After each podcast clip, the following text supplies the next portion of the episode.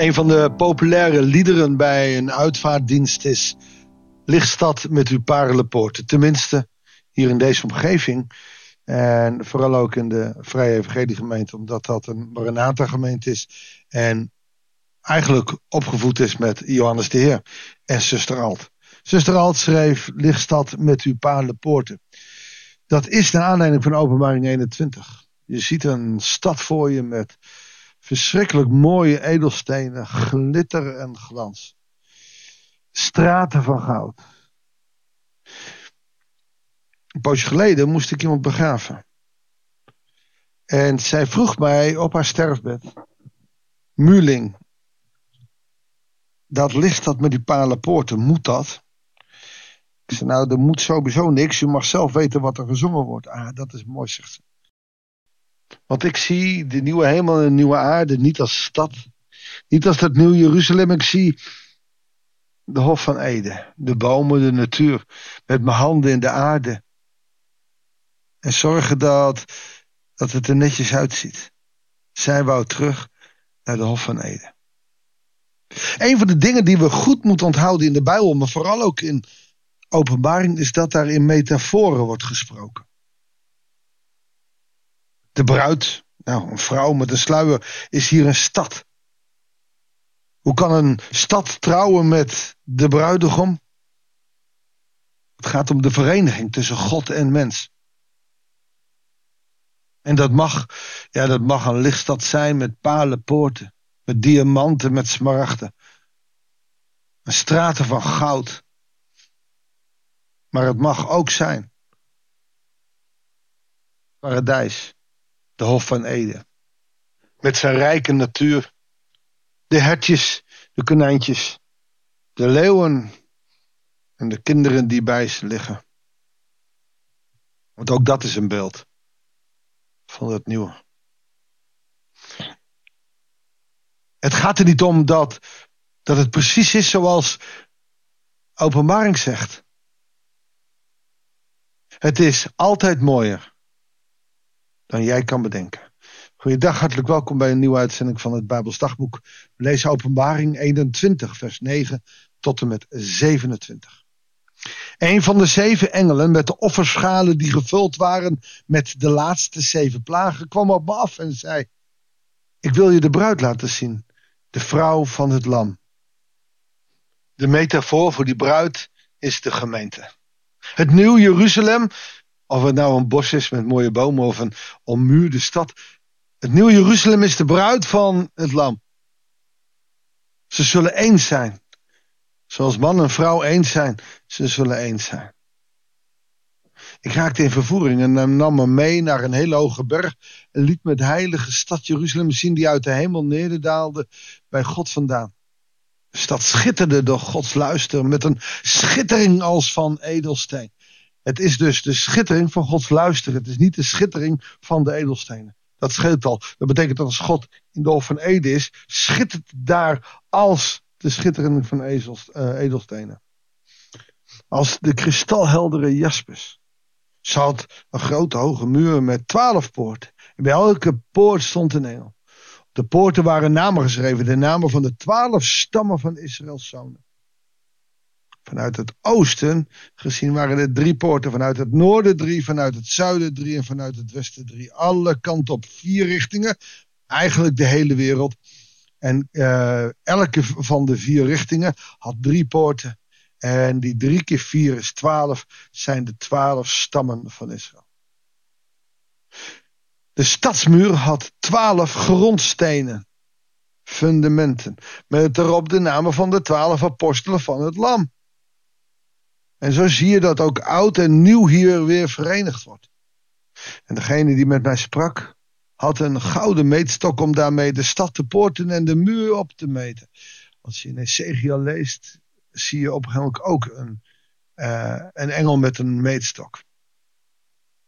Dus het beeld komt terug wat in Ezekiel al was geprofiteerd. De stad was vierkant. Even lang als breed en had de stad met zijn meetstok 12.000 stadia weer, die 12. En we hebben het al eerder gezien, 12 is belangrijk.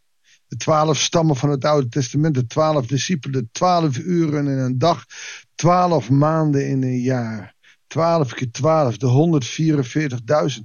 12 komt ongelooflijk veel voor in de Bijbel, maar ook in openbaring. 12 is het getal van perfectie. En zo is niet alleen het Oude Testament, Gods uitverkoren volk, perfect uit twaalf stammen gehaald, maar ook de twaalf discipelen. Het is niet toevallig. Hij had er niet één meer of minder. Pas na zijn dood viel er één af, maar er kwam er één voor terug. Om twaalf, het perfecte aantal, moest in stand blijven. Twaalf uur op een dag. Twee keer twaalf in een etmaal. Perfect getal voor de Bijbel. Hij mat de stadmuur, 144 el lang. 12 keer 12 is 144. In gewone mensenmaat, die ook engelenmaat is. Een L is ongeveer een halve meter. Het is van de top van je vinger tot je elleboog. Maar ja, dat is bij iedere mens anders. Dus daar eh, was toen nog geen vaste maat voor. De muur was gemaakt van jaspis. Een belangrijk uh, edelmetaal of een uh, edelsteen. Alleen tegenwoordig zijn er veel luxere stenen. Maar in deze tijd, in de tijd van de Bijbel, was de jaspis echt een heel belangrijke steen. En de stad zelf was van zuiver goud, helder als glas. De grondstenen van de muur waren versierd met allerlei edelstenen. De eerste was van jaspis, de tweede van azuur, de derde van cornalijn, de vierde van smaragd, de vijfde van sardonyx, de zesde sarder, de zevende olifijn en de achtste aquamarijn en de negende topaas en de tiende turkoois en de elfde granaat en de twaalfde een amethyst. Allemaal belangrijke edelstenen. En er zijn mensen genoeg die meteen weten waar ik het over heb als ik deze namen noem. Het zal mij gestolen kunnen worden, want ik weet niet hoe ze eruit zien. En ik was eigenlijk samen met die mevrouw liever in het bos. Zonder al de kitsch van de schitteringen. Maar het zijn schitteringen van de grootheid van God. Het gaat helemaal niet om de kleuren. Het gaat niet om de uh, saffieren of de sardes. Het gaat om de schittering. En die zijn vergelijkbaar met de schittering van God. Maar een tempel zag ik niet in die stad. Dat is belangrijk. Want God, de Heer, de Almachtige, is haar tempel. Met het lam. En dit is, ja, ik ga nu even filosofisch doen. God, de Heer, is haar tempel. Wat is de naam die hij gegeven heeft aan Mozes als die vraagt: wie kan ik zeggen dat mij gestuurd heeft? Ik ben die ik ben. Het woordje is staat hier centraal. We zullen eens zijn met God. God is die tempel, we zullen in hem zijn. En ik denk dat dat mooier is dan weer een lichaam hebben en in die nieuwe hemel en nieuwe aarde rondwandelen. Nogmaals, je mag de metafoor gewoon houden. No problem. Ik denk dat dit dieper gaat. We zullen één worden met de ik ben. Want hij is haar tempel. De stad heeft het licht van de zon en de maan niet nodig. Over haar schijnt Gods luister. En het lam is haar licht. De volken zullen in haar licht leven, in haar licht, in. En de koningen op aarde brengen daar hun eerbewijzen. De poorten zullen overdag nooit gesloten worden en de nacht zal nooit meer zijn.